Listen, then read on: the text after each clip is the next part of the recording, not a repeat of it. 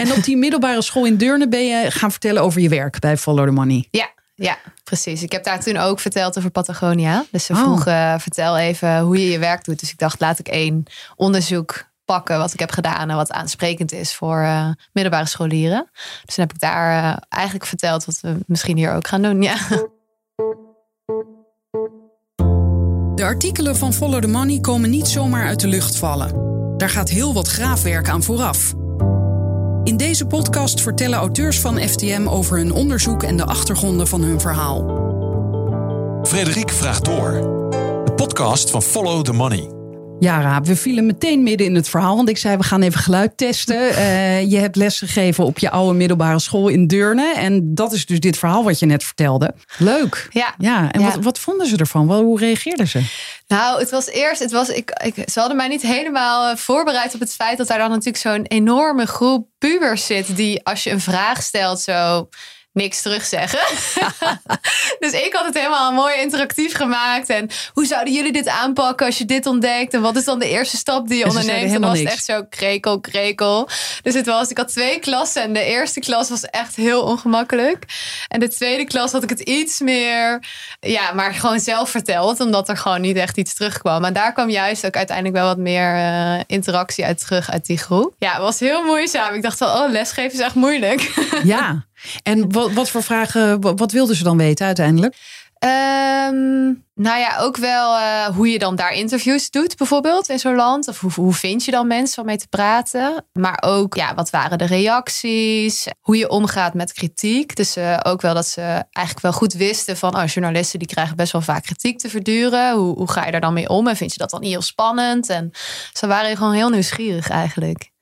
Altijd wel leuk ook om als je over je eigen werk vertelt, dat je weer even weet van, oh ja, zo zit het allemaal. En dit komt er allemaal bij kijken. Ja, ja, precies. En ook hoe zien andere mensen jouw werk? En hoe zien bijvoorbeeld jongeren je werk? Kennen zij Follow the Money überhaupt? En er waren echt mensen die zeiden van... oh, ik wil daar later ook werken, die het al kenden. En ook heel veel mensen die het totaal niet kenden. Maar ja, wel grappig. En ook bijvoorbeeld, want ik had kledingmerk Patagonia gekozen met het idee van... eh, dit is een aansprekend merk, dit zullen zij wel kennen... Maar ik vroeg dus als eerste van, goh, kennen jullie Patagonia eigenlijk? En toen zeiden ze nee. Terwijl ik dacht, huh, dit is toch een superbekend merk. En in Amsterdam en Rotterdam loopt iedereen met die shirtjes rond. Maar ik was blijkbaar even vergeten dat Deurne daarin toch wat anders is dan de, dan de Randstad. Ja. Wij gaan het hebben over de kledingindustrie. Want daar heb jij inmiddels vier artikelen over geschreven. Ja. Patagonia, dat kledingmerk, is er één van. Komt zo weer terug. Eh, je bent met het vijfde artikel al bezig. Maar eerst nog even een stapje eerder. Je werkte een paar jaar bij Buitenlandse Zaken. En toen ben je daar gestopt. Waarom eigenlijk? Nou ja, ik werkte aan ontwikkelingssamenwerking en ik vond dat inhoudelijk heel leuk en heel interessant. Maar ik merkte dat dat voor mij niet helemaal de plek was waar ik het gevoel had dat ik echt impact kon maken. Dus toen ging ik nadenken over plekken waar dat naar mijn idee beter kon. En toen kwam ik uit bij de journalistiek. Dus toen heb ik de overstap eh, gemaakt. En die ging soepel? Best soepel, ja. Ik vond het eh, wel heel spannend. Want ja, dan zeg je je baan op voor een sector waar je eigenlijk nog helemaal niks van weet. Ik ben toen wel nog een master eh, journalistiek eh, gaan doen. Om nou ja, de overgang ook soepeler te maken. En ik had heel erg in mijn hoofd van uiteindelijk wil ik echt onderzoeksjournalist worden. En dan het liefst bij een platform als Follow the Money. En dat lukte gelijk. Dus ja, zeker soepel eigenlijk. Ja, en je hebt ook in een behoorlijk eh, korte tijd volgens mij een heel, eh, hele reeks artikelen gemaakt. Het begon, je hoofdthema is volgens mij greenwashing. Ja, klopt. En dat begon met een groot internationaal onderzoek Ja. naar eh, groene aandelen. Bestaan die wel en hoe groen zijn ze dan? Ja, precies. Ja. Dus toen ik bij Follow the Money begon, toen mocht ik gaan meewerken aan een project wat eigenlijk al was eh, opgestart door Investico en Follow the Money samen.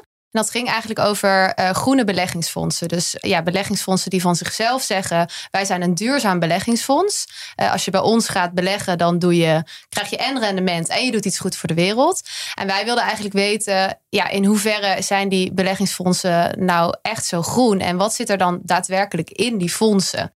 Dus daar zijn we naar gaan kijken toen. We hebben van ruim 1200 eh, beleggingsfondsen de eh, investeringen bekeken. En toen bleek eigenlijk dat van die fondsen bijna de helft investeert in fossiele industrie en, en de luchtvaart. Dus dat was wel, nou, ik denk wel een klassiek voorbeeld van, eh, van wat greenwashing is.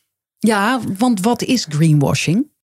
Ja, dat is eigenlijk niet zo ingewikkeld. Uh, hoewel er niet echt een formele definitie van bestaat. Maar in principe is het gewoon je groener voordoen dan je daadwerkelijk bent. En is het altijd fout? Ja, ik denk het wel. Als je je echt groener voordoet dan je bent, dan is dat wel fout. Want consumenten baseren keuzes op, uh, op dat beeld dat je van jezelf schetst. En er zijn steeds meer consumenten, weten we uit onderzoek, die daar ook echt naar kijken op het moment dat ze een product kopen. En als zij dan denken, ik zit in een beleggingsfonds dat iets goeds doet voor de wereld, maar ze kunnen doordat het niet heel transparant is, niet precies weten wat dan wel. En uiteindelijk blijkt dus dat dat investeringen zijn in industrieën die helemaal niet zo goed zijn voor de wereld. Ja, dan heb je dus je consument voor de gek gehouden. En, en ja, dat is gewoon niet zo eerlijk. Nee, dat valt onder misleiding, lijkt me. Ja. Ja, ja. En uh, hoe ben je dan bij die kledingindustrie terechtgekomen?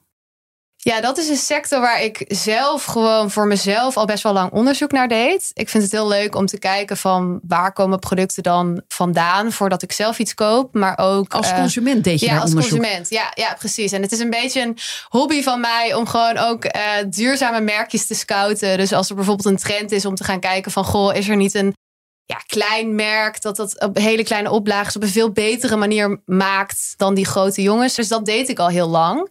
En echt onderzoek voor Follow the Money, daar rolde ik eigenlijk een beetje per toeval in. Um, dat was toen ik. Um, mijn vriend die wilde voor wat langere tijd naar Sri Lanka. En, en ik wilde wel graag mee. maar ik dacht, ja, dan wil ik daar wel ook iets maken waarvoor toegevoegde waarde heeft dat ik in dat land ben. En um, toen ging ik een beetje onderzoek doen naar Sri Lanka. En kwam ik er al vrij snel achter dat zij dus een best grote uh, kledingindustrie hadden. En dat wist ik eigenlijk niet zo goed. Ik wist het wel bijvoorbeeld van Bangladesh of uh, ja, India. Dat zijn hele klassieke landen waarvan we weten, daar wordt heel veel kleding gemaakt. En van Sri Lanka wist ik dat niet.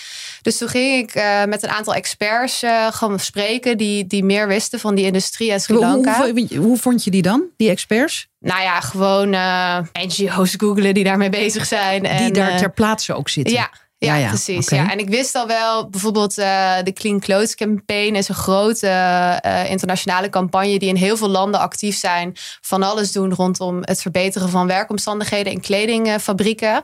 Dus dat is een NGO, ja, die heb ik gewoon benaderd. En uh, daar spreek je dan mee af. En dan vraag je gewoon, goh, wat, wat weten jullie van Sri Lanka en hoe gaat het er daar aan toe?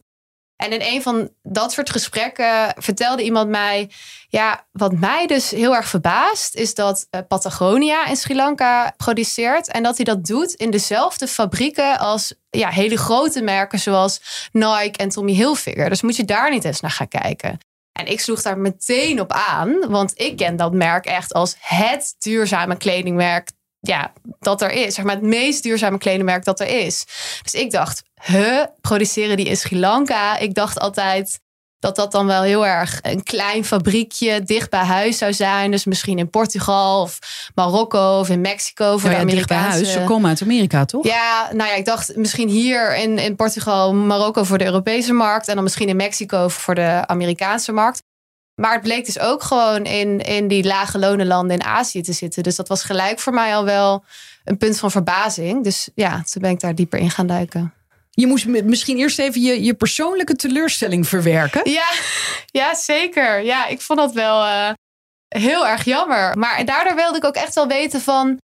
Goh, hoe zit dat dan precies? Hè? Want het, dat betekent nog niet per direct dat het ook echt fout is of zo. Het had ook kunnen zijn dat het dus hele goede fabrieken zijn in Sri Lanka, waar alles heel netjes is geregeld. Dus ik was, mijn nieuwsgierigheid was uh, getriggerd, maar uh, ik wilde vooral weten, wat zijn dan die werkomstandigheden in die fabrieken en hoe gaat het daar aan toe? Dus ja, dat was wel een hele natuurlijke interesse om daar uh, in te gaan duiken. Ja. ja, en uiteindelijk ben je ook in die fabrieken geweest. Maar, maar nog even voor de mensen die dat merk niet kennen. Hoe, wat zeggen zij dan over zichzelf? Wat ze allemaal voor goede dingen doen? Nou ja, uh, heel veel. Dus Patagonia staat bekend om. Ze hebben ontzettend sterke marketing. Dus zij hebben hele mooie campagnes. Ze hebben jaren geleden uh, ooit van een hele bekende advertentie gepost. Ik geloof dat het in de New York Times was. Met Do not buy this jacket. En dan naast zeg maar hun eigen jas. Met, koop deze jas niet. Ja, koop deze jas niet. Met de boodschap van koop het niet als je het niet nodig hebt. We hebben niet zoveel nieuwe kleding nodig. Dus dat is echt een voorbeeld waarin zij echt een frontrunner waren in die industrie. Die eigenlijk als eerste van binnenuit dat probleem van overconsumptie aankaarten. Maar ze hebben ook heel veel campagnes met. Uh, nou, twee jaar geleden of drie jaar geleden hadden ze er eentje. Dat uh, de slogan was: uh, Demand organic, demand recycled, demand fair trade. Dus riepen ze echt consumenten op: kijk nou eens wat je koopt. En daarachter ligt dan wel een beetje de boodschap van. Ja, bij ons zit je goed. Dus ze stralen met die campagnes heel erg uit ja, wij proberen echt het goede te doen voor zowel het milieu als voor de mensen die onze kleding maken.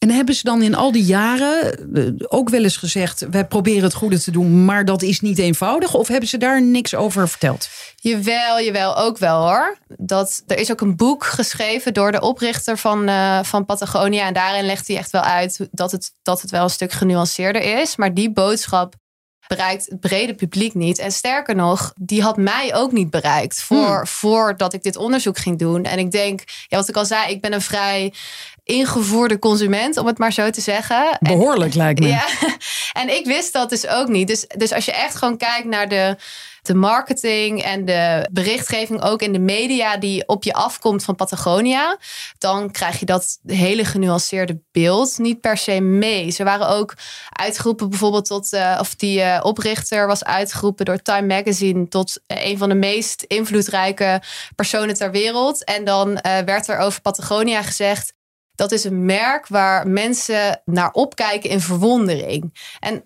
ja, zo is het precies. Totdat jij dus de fabrieken binnenging in Sri Lanka. Ja. en hebben ze daar meerdere fabrieken of één? Meerdere. En ze zijn daar niet eigenaar van. Dat is heel vaak het geval in de kledingindustrie. Dus je, je plaatst eigenlijk een order, een bestelling bij een fabriek. Ze hebben wel lange termijn relaties met de fabrieken.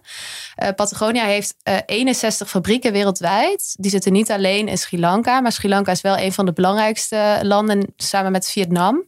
Nou weet ik even niet meer uit mijn hoofd precies hoeveel fabrieken ze in Sri Lanka hadden. Maar ik geloof ongeveer tien waar ze mee samenwerkten. Van twee aanbieders. Dus die vielen onder twee verschillende groepen.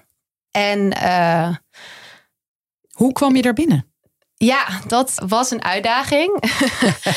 dus um, ja, ik ben eigenlijk begonnen met het onderzoek ook deels gewoon nog online. Van die 61 fabrieken wilde ik gewoon weten: zijn er meer fabrieken waarin dus ook merken produceren die ik ken en die bij het brede publiek bekend staan als merken die vaak problemen hebben in hun waardeketen? Dus dat ben ik eerst gaan uitzoeken. En uit die analyse bleek eigenlijk dat ruim twee derde van de fabrieken waar Patagonia produceert, ook merken produceren die dus, als je naar het duurzaamheidsbeleid gaat kijken, ja, eigenlijk heel zwak zijn of, uh, of nou ja, in ieder geval ondermaats. En toen in Sri Lanka zelf, ja, ik had bronnen nodig. Dus ik ben uh, vooral met vakbondsleiders uh, gaan spreken in eerste instantie. Want die zijn daar wel dus? Ja, je hebt vakbonden in Sri Lanka. Dat is bijvoorbeeld anders dan uh, Vietnam, waar zij dus ook heel veel zitten. Daar mogen er gewoon überhaupt geen vakbonden zijn. Dus dat is ook gelijk al heel ingewikkeld om in zo'n land te produceren. Omdat als er geen vakbonden toegestaan zijn überhaupt, dan betekent het eigenlijk al dat die, dat die uh, werknemers heel slecht voor zichzelf op kunnen komen, heel slecht uh, omstandigheden kunnen verbeteren als dat nodig is. Dus daarvan zeggen experts ook wel, het is best problematisch als je het belangrijk vindt dat die omstandigheden goed zijn, om dan in een land te produceren waar vakbonden gewoon überhaupt niet uh, toegestaan zijn. In Sri Lanka heb je dat wel, vakbonden. En um, ja, die ben ik gaan contacteren.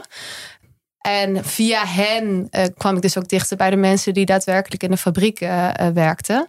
Ik heb één dag doorgebracht op het kantoor van een vakbondsleidster. Zij had kantoor echt net buiten de Free Trade Zone. Dat is een gebied echt afgesloten. Daar kom je echt absoluut niet in zonder dat je daar moet zijn. Dus dat was ook op een gegeven moment dacht ik van oké, ik ga wel gewoon naar die fabriek toe en dan bel ik wel aan of zo, weet je Maar, maar dus zo werkt het ja, niet. Ja, zo dus. werkt het niet. Want je komt, zeg maar, dat hele industriegebied, kom je niet eens op. Daar staan gewoon mensen ja, die eruit zien alsof ze van defensie zijn, eh, jou tegen te houden. Dus je komt daar gewoon echt absoluut niet eens bij in de buurt.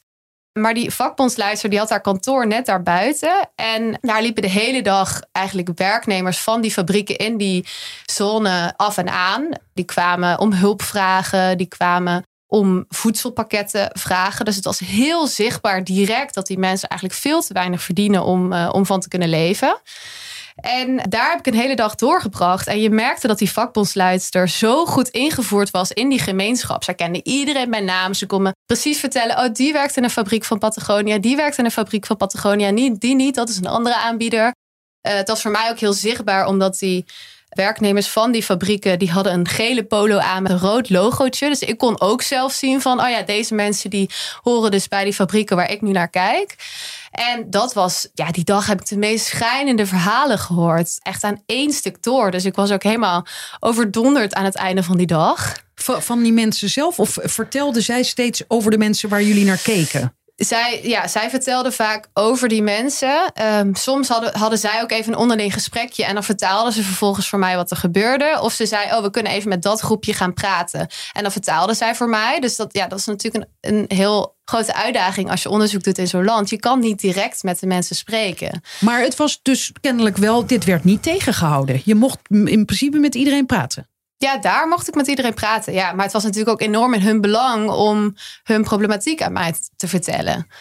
Uh, dus dat, dat was eigenlijk heel makkelijk. Maar je vroeg eigenlijk naar hoe ben je dan bij die fabrieken terechtgekomen? Ja, dat was ontzettend moeilijk. Want ik ging uh, die fabrieken gewoon bellen. Nu is het sowieso in Sri Lanka dat eigenlijk moet je gewoon op de stoep staan. Want zelfs, zelfs als je belt en ze nemen op, dan zeggen ze: Oh ja, kan je morgen langskomen? Want ze doen eigenlijk niks telefonisch. Terwijl het is een best wel groot land en alles zit ook verspreid. Dus nou, dat was ook gewoon, dat kostte heel veel tijd om overal naartoe te gaan om met mensen te spreken. Maar die eh, fabriekseigenaren die zaten daar natuurlijk helemaal niet op te wachten. Want ik zei netjes, hallo, ik ben journalist en ik wil graag uh, jouw fabriek komen bezoeken. Zei je ook van Follow the Money? Ja, dat kent natuurlijk niemand. Nee, maar, dat klinkt soms wel indrukwekkend. Ja, ja, nee, in het begin zei ik dat de hele tijd. En uiteindelijk ben ik één fabriek binnengekomen door te zeggen dat ik fashion journalist was from the Netherlands. En dat klonk toch wel iets anders dan investigative journalist from Follow the Money. Dus dat heb ik uiteindelijk wel gebruikt omdat ik heel graag zo'n fabriek binnen wilde. En dat um, voelt als een leugentje om best veel? Of? Uh, nou, ik heb, ik heb niet, ja, heb ik gelogen? ik denk dat, ik, dat, je die, dat je dat soort keuzes maakt, of dat heb ik in dit geval gedaan, echt nadat ik, nou echt misschien wel 15 keer uh, al iemand had gesproken, verschillende mensen van verschillende fabrieken die zeiden: nee, ja, we laten je er niet in. Dus ik had wel echt zoiets op de, de gewone route zoals ik het met liefst zou doen kom ik niet binnen. Ik heb wel overigens tegen die uh, fabriekseigenaar toen ik eenmaal binnen was. Ook gewoon gezegd, ik schrijf voor Follow the Money en hier heb je een linkje. En, uh, dus hij wist het uiteindelijk Ga maar lekker maar... Nederlands lezen. Ja. Of nee, er is nu ook ftm.eu hè, waar het vertaald is. Oké, ja, oké. Zeker, ja. En wat vertelden de mensen jou? Wat waren de omstandigheden? Wat zijn de omstandigheden? Ja, die zijn best wel uh, schrikbarend, vond ik. Dus um, wat ik net vertelde over die dag op dat kantoor bij die vakbondsleidster. Ja, daar zag ik dus al dat mensen echt te weinig verdienen om, om van te leven.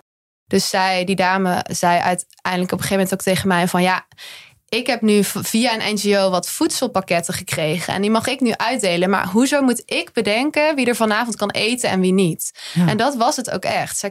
de meeste mensen daar, die konden, niet, die konden geen drie maaltijden per dag betalen. Dus die moesten echt, ja, die moesten echt gewoon... Uh, ja, daar komen vragen om voedsel. Of, of twee, twee maaltijden per dag eten. Of uh, die hadden gewoon niet genoeg geld om, uh, om, om te eten.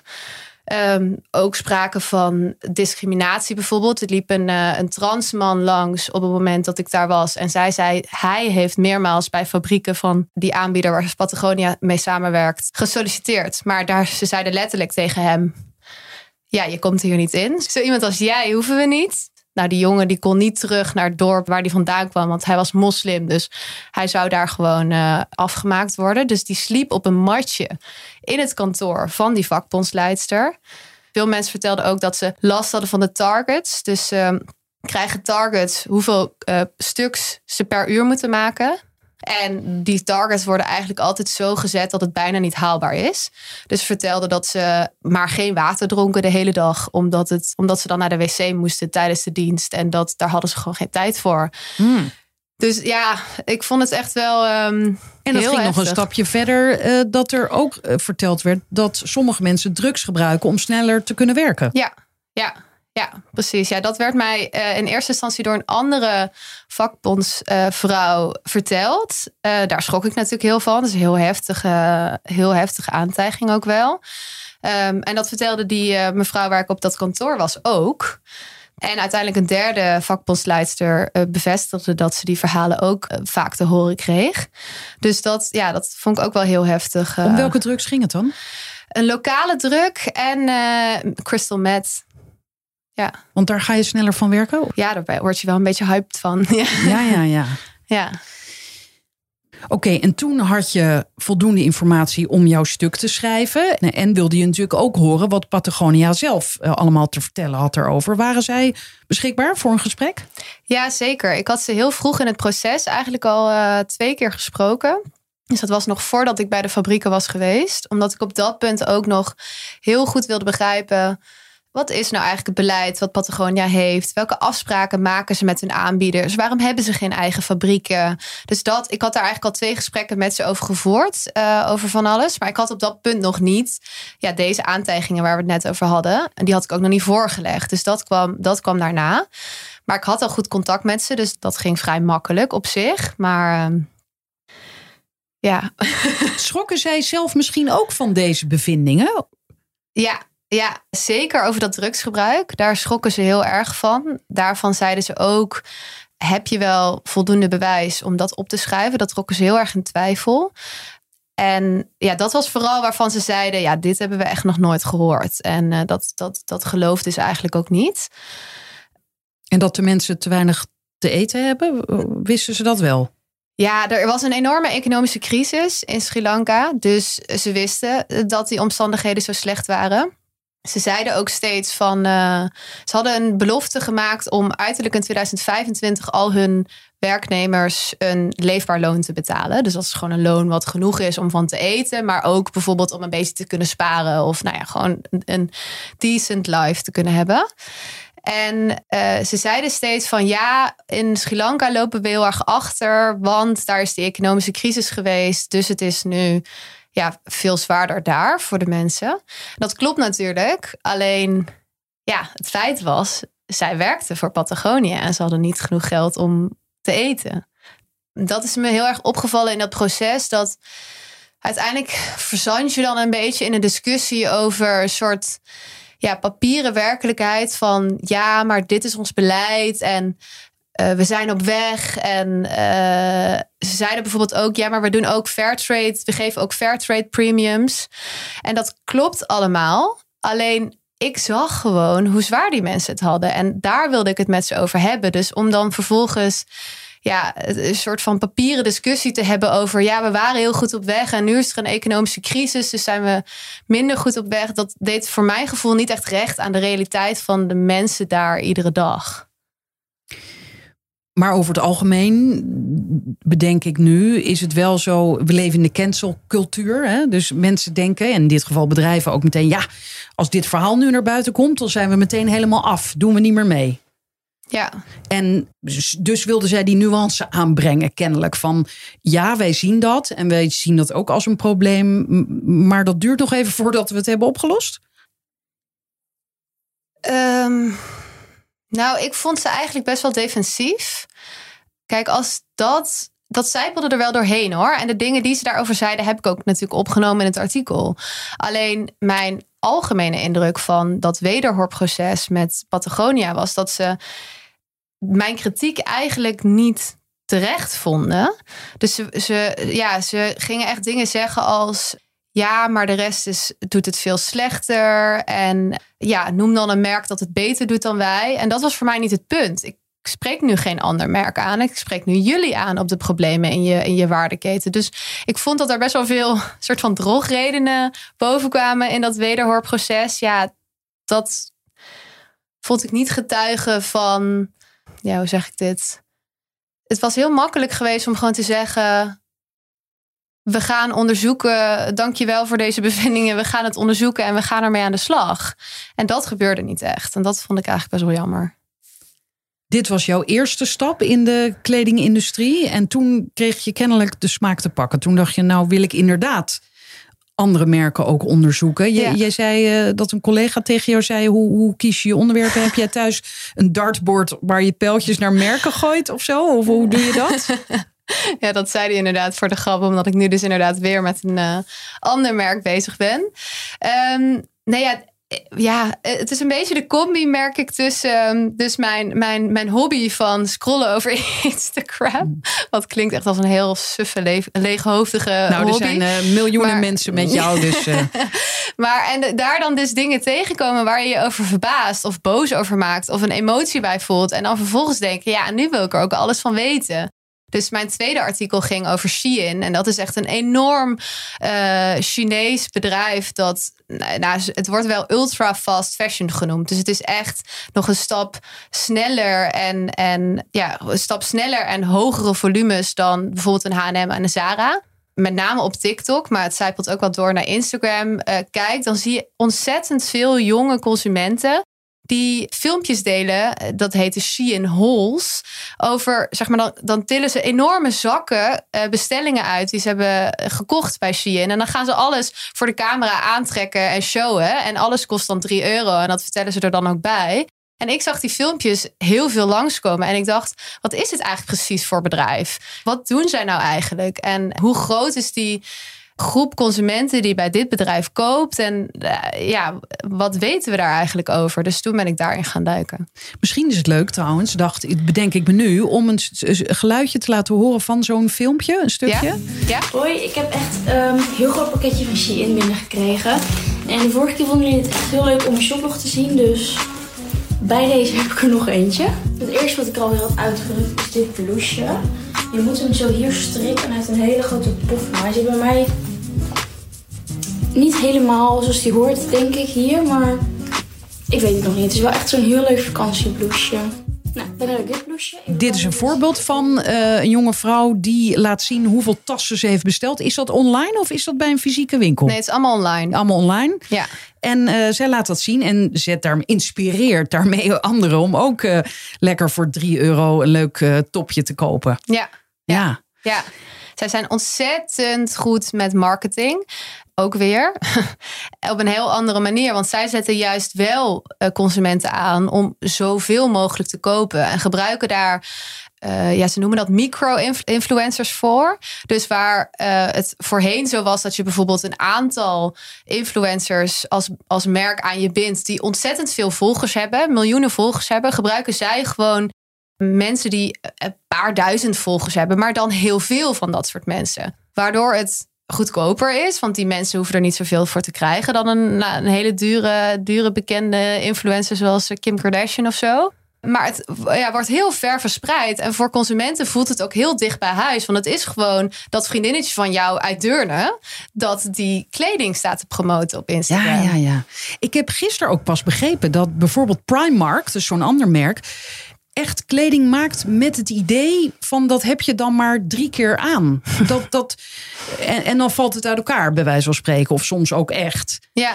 Ik wist wel, het is heel goedkoop en daardoor populair. En we noemen het fast fashion. Maar ik had niet door dat het ook fast wordt genoemd, snel. Omdat het, ja, je draagt het even en dan is het alweer klaar. Ja. Ja, en, en ja, het, is ook, het wordt ook vastgenoemd omdat het op de trend zit. Dus, en trends gaan natuurlijk ook heel snel. Dus het is uh, de, hoe snel ze het in de winkel kunnen hebben. Vandaag is er een trend. Vandaag loopt iemand rond met iets en dat gaat helemaal viral. En Shein bijvoorbeeld, die kan dat binnen drie dagen in de webshop hebben liggen. Dus ze zien de trend. Drie dagen later hebben ze al een producent gevonden die dat artikel heeft nagemaakt. Kan je het al bestellen in de webshop en een week later is het in Nederland. En dat is echt ultra snel. En daardoor worden ze dus ook ultra vast genoemd. En die drie dagen, die belofte van ze en die, die snelheid. Ik begreep dat ze daarmee dan ook weer adverteren van ja, het feit dat wij het niet eerst laten maken en dan kijken of het verkocht wordt, dat maakt ons heel duurzaam. Want wij produceren pas en dit heb jij mij allemaal verteld. Niet zozeer aan mij, maar aan ons allemaal bij Follow the Money in de vergadering. Toen je vertelde wat je aan het onderzoeken was. Toen dacht ik, dit is echt smerig. Ja, ja. Ja, dus wat zij zeggen is: wij zijn net als andere merken op weg naar duurzaamheid. En ze koppelen dat dan altijd aan het feit dat zij een on-demand bedrijf zijn. Zo noemen zij zichzelf. En dat betekent dat zij de kleding dus pas maken, zeggen ze op op het moment dat jij het koopt.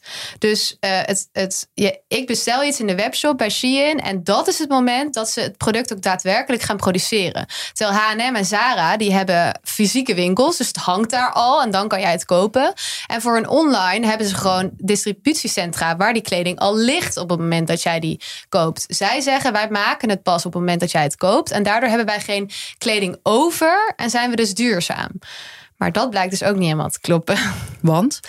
Nou, Eigenlijk twee dingen zijn daar belangrijk. Ten eerste, dat is een claim die uh, neemt een beetje het zicht weg op wat er daadwerkelijk gaande is. Namelijk dat ze enorme volumes produceren. Echt, echt heel erg veel produceren. Dus dat ze dan dat kleine aandeel wat andere merken over hebben, omdat het niet wordt verkocht, uh, niet zouden maken. Ja, dat, dat, dat, dat, Um, Valt in het niet bij die getallen eigenlijk. Ja, dus daar moet je goed over nadenken. Maar ook waar ik achter kwam, is dat hun leveranciers, dus zij werken ook weer met allemaal leveranciers. Uh, ze hebben geen eigen fabrieken, maar werken met leveranciers. Die gaan de kleding wel alvast maken. Want op het moment dat de order bij hun binnenkomt, dan vraagt Shein: ik wil het wel over drie dagen hebben. En zij kunnen dat helemaal niet zo snel. Dus wat zij doen is: ik hoop dat we voor deze producten een order binnenkrijgen van Shein. Dus we gaan het maar alvast maken. Dus zij verschuiven eigenlijk dat voorraadrisico. Maar hoe komen ze dan aan het ontwerp van de, van de dingen die ze maken? Nou, ze weten bijvoorbeeld, als ze, ma ze maken eerst een kleine badge, zeg maar, voordat ze het in de webshop zetten. Van ja, gaan ze het natuurlijk wel ontwikkelen. Dus een leverancier heeft dat dan bijvoorbeeld al voor ze ontwikkeld. Ja, ja, ja. Dus ze hebben dat al. Maar dan op het moment dat ze daadwerkelijk gevraagd wordt van nou, we hebben nu zoveel orders vandaag van dit product binnengekregen. Ga het maar maken. Ja, dan hebben zij het dus eigenlijk al gemaakt. Of ze zijn er al mee bezig. Wat vond Shein van jouw onthulling? Niks van gehoord. Oh, oh en eh, helemaal geen reactie? Eh, niks, nee. niks, niks, niks. Ik vond het wel grappig. Een van de leden van Follow the Money reageerde onder dit stuk met uh, de opmerking: Is het misschien een idee als Follow the Money bijvoorbeeld op TikTok gaat om te vertellen hoe het werkelijk zit? Toen dacht ik: Zitten, zitten wij op TikTok? Nee, we zitten niet op TikTok. Nee, nee, nee. Uh, ja, daar moet je eigenlijk niet voor bij mij zijn, voor die strategie. Maar um, ja, TikTok is natuurlijk uh, ook een Chinees bedrijf waar van alles mis mee is, qua beveiliging en zo. Dus volgens mij is daar wel een. Nee, oké, okay, dit was geen aan, aanbeveling. Ja, ja. Nee, maar uh, ik dacht toen wel van ja, ik snap wat deze, dit lid bedoelt. Dat ja, we leven allemaal in aparte werelden ook. Mm. die jongeren hebben dit allemaal niet door misschien. Nee. Nou, niet allemaal niet, maar in een hele grote groep niet. Ja want je moet het gewoon maar, je moet er eerst achter komen. Jij onderzoekt dat allemaal. Ja.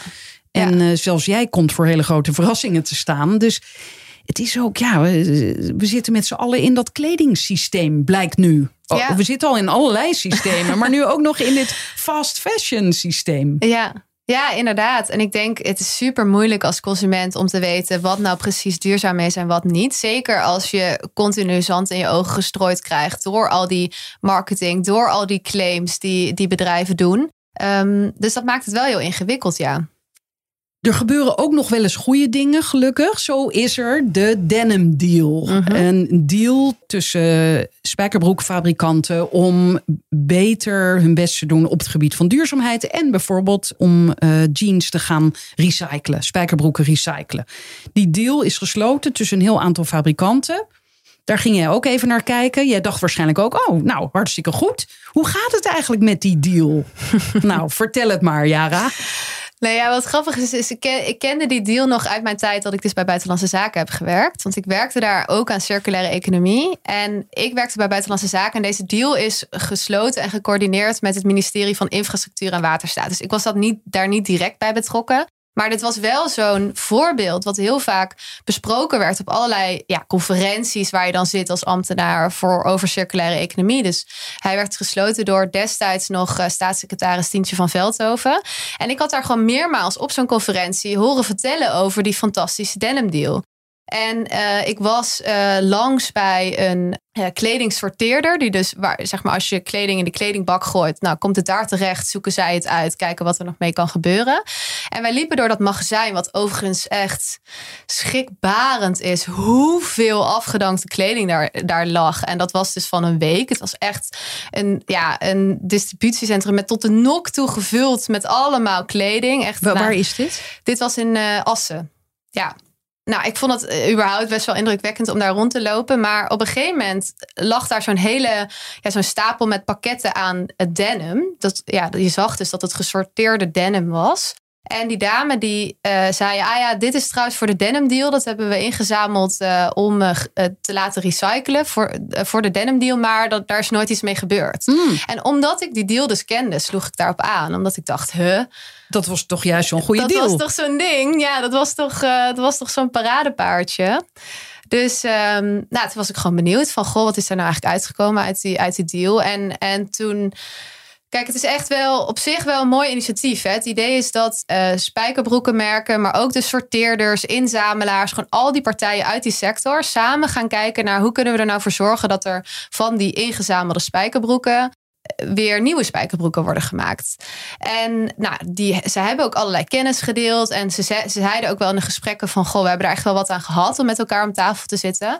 Maar het idee was, ze gingen binnen vier jaar een bepaald aantal... het ging om 3 miljoen spijkerbroeken maken, gezamenlijk... met tenminste 20 procent uh, gerecycled materiaal erin. En, en ik ben daarna gaan kijken en ja, dan zag je gewoon... als je dan uiteindelijk gaat kijken, is er maar een heel klein deel van de spijkerbroeken daadwerkelijk met meer gerecycled materiaal gemaakt. En dat gebeurt trouwens, als het wel lukt, uh, door uh, die spijkerbroeken door een soort versnipperaar te halen. Hè? Dan krijg je de vezels weer terug. Het gaat Ja. helemaal terug naar de basis. Nou, Ja. niet helemaal, maar het gaat terug naar de vezel. Ja. En die vezels worden dan hergebruikt. Ja. ja. Precies. Maar wat blijken dan de obstakels waardoor het niet echt eh, op gang komt? Nou, ik denk dat het grootste probleem van dit programma uiteindelijk was dat er maar zo weinig mensen, merken zijn gaan meedoen. Dus het was een vrijblijvend programma. Dus het idee was gewoon merken die willen, die sluiten zich hierbij aan. En uiteindelijk waren er gewoon niet genoeg merken die dachten, ik vind het belangrijk genoeg om hier aan mee te doen. Dus dat was denk ik de belangrijkste reden waarom ze dat volume uiteindelijk niet hebben gehaald. Maar er waren ook allerlei, voor de merken die wel meededen, hadden ze alsnog natuurlijk dat die belofte die ze aan het begin eh, maakten eh, kunnen halen. Er waren ook wel gewoon allerlei technische uitdagingen, zoals ja, vezels die je, die je inderdaad dus een shredder hebt gehaald, die zijn veel korter. Dus nou, je moet kijken naar de kwaliteit. En daar was gewoon, daar ging een heel proces eh, aan vooraf. Dus er zijn wel daadwerkelijk uitdagingen. Tegelijkertijd waren er merken, er waren ook een aantal merken die meededen, die al voor die denim deal dat technisch gezien allemaal al konden. Dus het was niet zo dat het, dat het echt niet kon, maar gewoon denk ik een soort van ja, eh, Gedoe. bureaucratie. Vind je het, ja, gedoe. eh, vind je het echt belangrijk genoeg om, om dit aantal dan daadwerkelijk te halen? Dus ja, het had gekund, maar eh, het, is, het is niet gebeurd. En het gekke is ook dat die denim deal, die dus ook al heel stroef loopt, die loopt dit jaar ook af. Dat vond ik ook zo raar. Hoezo loopt die af? Waarom laat je die afspraken niet staan? Ook al haal je ze niet helemaal, maar in ieder geval een beetje. Ja, daar, werd nu, daar wordt nu over gesproken, over, over een vervolg. Dus als ze doorgaan met de denim deal, ze willen hem ook graag opschalen naar, naar Europees eh, niveau. Ehm, dus ze willen er eigenlijk meer merken bij halen. Dat je ook, eh, nou, dit, dit, dat je ook ja, echt grote producenten als H&M en Zara bijvoorbeeld, die maken ontzettend veel spijkerbroeken. Die zaten er nu niet bij, want het was echt een Nederlandse denim deal. En nou, dat, is een, dat zijn een, een Zweeds bedrijf en een Spaans bedrijf. Dus ze zijn aan het kijken om het, eh, om het op te schalen. Maar ja, dat noemde ik net nog niet eigenlijk. Maar waarom ik dit verhaal ook belangrijk vond om te maken, was dat het volgens mij illustratief is voor wat er gebeurt op het moment dat je eh, zo'n vrijblijvend programma optuigt. En dat hebben we ook gezien bijvoorbeeld bij de convenanten. Nou, dat waren ook allerlei vrijwillige afspraken tussen de overheid en de industrie, waarbij je dan gaat, eh, stappen gaat zetten op gebied van verduurzaming. En daar zagen we ook dat ja, het gaat gewoon niet heel snel als, je, als het vrijblijvend is. Hier zag je dat ook, dat de afspraken dan wel gemaakt worden, maar uiteindelijk niet helemaal worden gehaald. En, en dan ook dus nog maar voor een heel klein groepje van bedrijven echt eh, voor verandering heeft gezorgd. Terwijl als je wet en regelgeving toepast, dan is het verplicht. En dan geldt het ook gelijk voor de hele industrie. Dus de vraag daarachter is misschien een ja, maar het beetje... moet wel leuk blijven, Jara. Ja. ja, precies. Nou ja, dat is denk ik een beetje het probleem. Ja, moet het wel echt leuk blijven? En eh, inderdaad, omdat eh, toch vaak wordt gezegd: nee, maar je moet het juist niet afdwingen, want je moet het echt willen. Op zich zit daar wat in. Alleen als dan blijkt dat niet voldoende fabrikanten het willen of belangrijk vinden. Ik moet ook denken aan eh, vrouwen aan de top. 30 jaar geleden werd ook gezegd: nee, dat moet allemaal organic. Nou, ik zit nog steeds te wachten. Ja, ik tot jij aan de top komt. Nu maar. eh, nou, Ik zit natuurlijk aan de top, hè, Jara. Hier in mijn eentje in deze studio zit ik gewoon zowel aan de onderkant Zeker, als aan de top. Zeker. Nee, maar nu denk ik ook van ja, afdwingen die handel. Want eh, vanzelf gaat het dus niet. Nee. Nee, en dat heeft het ministerie uiteindelijk ook wel gezegd in hun reactie op mijn vragen. Van eh, onze focus voor de toekomst is niet het vervolg van deze denim deal, maar is wetgeving. Ehm, dus ik denk dat het denken daar ook wel wat meer richting ja, meer verplichtende maatregelen is, eh, is gegaan. En dat is ook op zich niet zo gek, want bijvoorbeeld eh, PBL concludeerde aan het begin van dit jaar nog, als je het hebt over de circulaire economiedoelen, dat het ingezette beleid en eh, de huidige maatregelen totaal uiteenlopen. Dus ze hebben hele ambitieuze doelen voor de circulaire economie als Nederland. We willen in 2030 al halverwege een circulaire economie zijn. In 2050 willen we al bijna al onze materialen hergebruiken voor al onze sectoren. En het ingezette beleid is heel zwak en vrijblijvend. En ja, klein dus ook gewoon in, in volume van producten die je ermee raakt. Nu ging je heel even terug in je rol van eh, ambtenaar Ja. misschien. Want je zei opeens PBL. Ik dacht, oh ja, Planbureau voor Ja. de Leefomgeving. Ja? Ja. ja, ja, Ja, ja, ja. En ik vind het ook leuk dat je zegt, en dan ben je de, de cirkel is echt rond, dat je, je bent weggegaan bij het ministerie. Want je wilde meer impact maken. Nu ben je bij Follow the Money. Nou, je maakt behoorlijke impact, want je hebt de ene onthulling na de andere. En dan klop je aan bij het ministerie van hallo, mag ik jullie een reactie? En heb je nog wel eens iemand gesproken die zei, nou eh, Jara, je bent wel eh, heel erg op dreef. En eh, die dan oh, ja, het jammer vinden dat je weg bent of juist goed vinden. Zeggen van het is goed, je zit nu op een betere plek. Of, of spreek je die mensen niet meer? Nou ja, voor dit, eh, voor dit artikel heb ik ook mensen gesproken die ik dus echt nog wel kende uit die, eh, uit die tijd. Over het algemeen zijn de reacties heel positief. En vinden mensen het gewoon leuk om te zien dat je die overstap hebt gemaakt. En eh, ja, ik zeg dan ook gewoon van, goh, ik zit hier veel beter op mijn plek. En dan zijn mensen blij voor me. Ja, oké. Dus die mensen zijn wel blij. Maar eh, de mensen over wie je schrijft, of de bedrijven eigenlijk, die zijn iets minder blij. Terwijl precies wat jij eerder zei, het is ontzettend moeilijk. Het is niet zwart-wit. Dus ja, dan kan je wel zeggen als Patagonia van ja, je pakt ons aan terwijl er veel slechtere bedrijven zijn. Ja, maar je bent hier serieus gewoon toevallig opgestuit.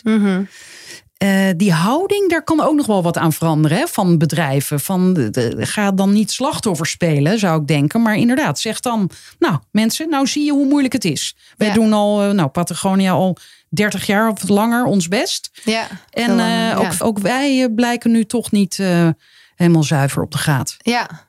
Ja, kijk, het is natuurlijk niet zo gek dat op het moment dat, dat jij ergens heel hard voor werkt en ook ergens echt in gelooft, dat je dan het vervolgens niet fijn vindt als iemand daar heel kritisch over is. Dat hebben we denk ik als mens allemaal. Maar dat merk je wel heel vaak, dat bedrijven waar je over schrijft het uiteindelijk eh, gewoon echt niet leuk vinden dat. eh, dat je zo kritisch bent over zo'n denim deal of over Patagonia of nou ja, bij Shein was dat dus niet het geval, maar ja, ik lig daar ook wel echt wakker van de avond van tevoren voor, voor Ja? publicatie. Ja, ja, omdat kijk, ik hou er helemaal niet per se van om mensen boos te maken of zo. Ik ken journalisten die er meer in zitten van ja, we're gonna get those motherfuckers, zeg maar. en ik ben zo helemaal niet. Ik vind het belangrijk om een eh, probleem aan te kaarten. En ik probeer dan ook heel erg te denken de avond van publicatie aan de bronnen die ik bijvoorbeeld heb eh, gesproken in zo'n Patagonia geval. Of die, die, ja, waar ik echt, daar wil ik er voor zijn als journalist. Maar tegelijkertijd weet ik ook, ja, er zijn mensen die ik ook heb gesproken in het wederhoorproces, eh, die hier heel boos van worden. Of die hier heel, ja, verdrietig van worden of iets anders. Ja, daar geniet ik niet van. Nee. Heb jij van het fenomeen green hushing gehoord? Ja, ja, zeker. Ik las daarover, ik zal het even voorlezen. Greenhushing is het fenomeen dat organisaties hun duurzame ambities en oplossingen verzwijgen. En dat lijkt een trend, stond onlangs in eh, het blad Adformatie. Investeerder BlackRock haalde de eigen duurzame doelen van de site. InBev stopte met het publiceren van duurzaamheidsdoelen op Facebook. Nou, enzovoort, enzovoort. Een aantal eh, voorbeelden. Toen dacht ik, wat? je hebt greenwashing, dat je doet alsof je groen bent. Maar nu, eh, de bedrijven die de goede dingen doen, gaan dat verzwijgen. Want ze kunnen niet tegen de kritiek. Nou, echt. Wat is dit nu weer? Ja. Ja, ik heb daar wel het een en ander van voorbij zien komen. Ik weet niet, ik kan niet zeggen of ik nou echt, eh, of dat nou echt een hele grote trend is. Ons dossier heet ook Groene Belofte, Gouden Business.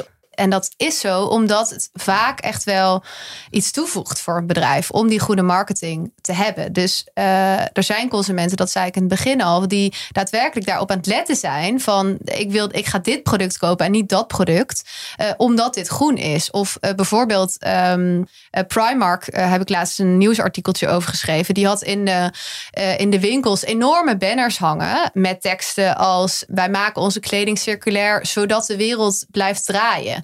En dan stond er heel klein op echt de hoogte van je enkel, zeg maar, in echt hele kleine letters. Sterretje tegen 2027 is onze kleding recyclebaar. Dus niet eens recyclen we onze kleding, maar is het mogelijk om onze kleding te recyclen? En dat was dan een soort van de vertaling van die enorme banner. Daarvan heeft de reclamecodecommissie nu ook gezegd, nou dat is greenwashing, maar dat doet Primark natuurlijk, omdat mensen die daar in die winkel lopen en zien van, oh ja, dit is 10 euro, ja, Primark was daar niet iets mee, was toch best wel vervuilend en zo. Oh nee, kijk, hier hangen allemaal mooie dingen die Primark doet, dus ze zijn er echt wel mee bezig, dus nemen het toch wordt even gesust. mee. Ja dat heeft waarde voor zo'n bedrijf. Dus, ja, nogal. Uh, Want als je als consument inderdaad gerustgesteld wordt op dat moment en dan denkt: oké, lekker, 10 euro. Ja, dus ik verwacht eerlijk gezegd niet dat dit soort bedrijven, zeker niet in de kledingindustrie, nu zomaar ineens helemaal niet meer gaan communiceren over duurzaamheid. Dus ja, ik heb nog niet echt het idee dat het echt een enorm probleem is, dat greenwashing. Maar als dat wel zo zou zijn, ja, dan vind, vind ik dat ook wel problematisch. Want. Um, ja, dat is geen transparantie. Dan, Nee. dan weten we gewoon helemaal niet meer waar we aan toe zijn. ja, exact. En, en ja, exact. En, ik zie het nu opeens voor me dat je dan ergens wat koopt en dan krijg je een envelopje erbij. Eh, niet doorvertellen, maar ehm, we zijn al een tijdje best wel goed bezig, vinden we zelf. Want dit is dus voor de helft gerecycled Ja. materiaal. Ik bedoel, wat is dit voor nonsens? Ja, ja. Ja, en het- overigens, ze komen er ook niet onderuit. Ze kunnen natuurlijk wel wat minder hard schreeuwen op dit soort banners of op hun website. Maar er is allerlei regelgeving die bedrijven gewoon verplicht om te laten zien wat zijn je duurzaamheidsdoelen, eh, hoe voer je die uit. Dus, dus eh, helemaal niet meer communiceren over duurzaamheid, dat is ook gewoon niet meer mogelijk. En sowieso, als mensen het verzwijgen, dan kom jij er wel achter. Misschien. Dankjewel. Graag gedaan. Al meer dan 40.000 mensen maken het werk van Follow the Money mogelijk. Ook lid worden? Ga naar ftm.nl.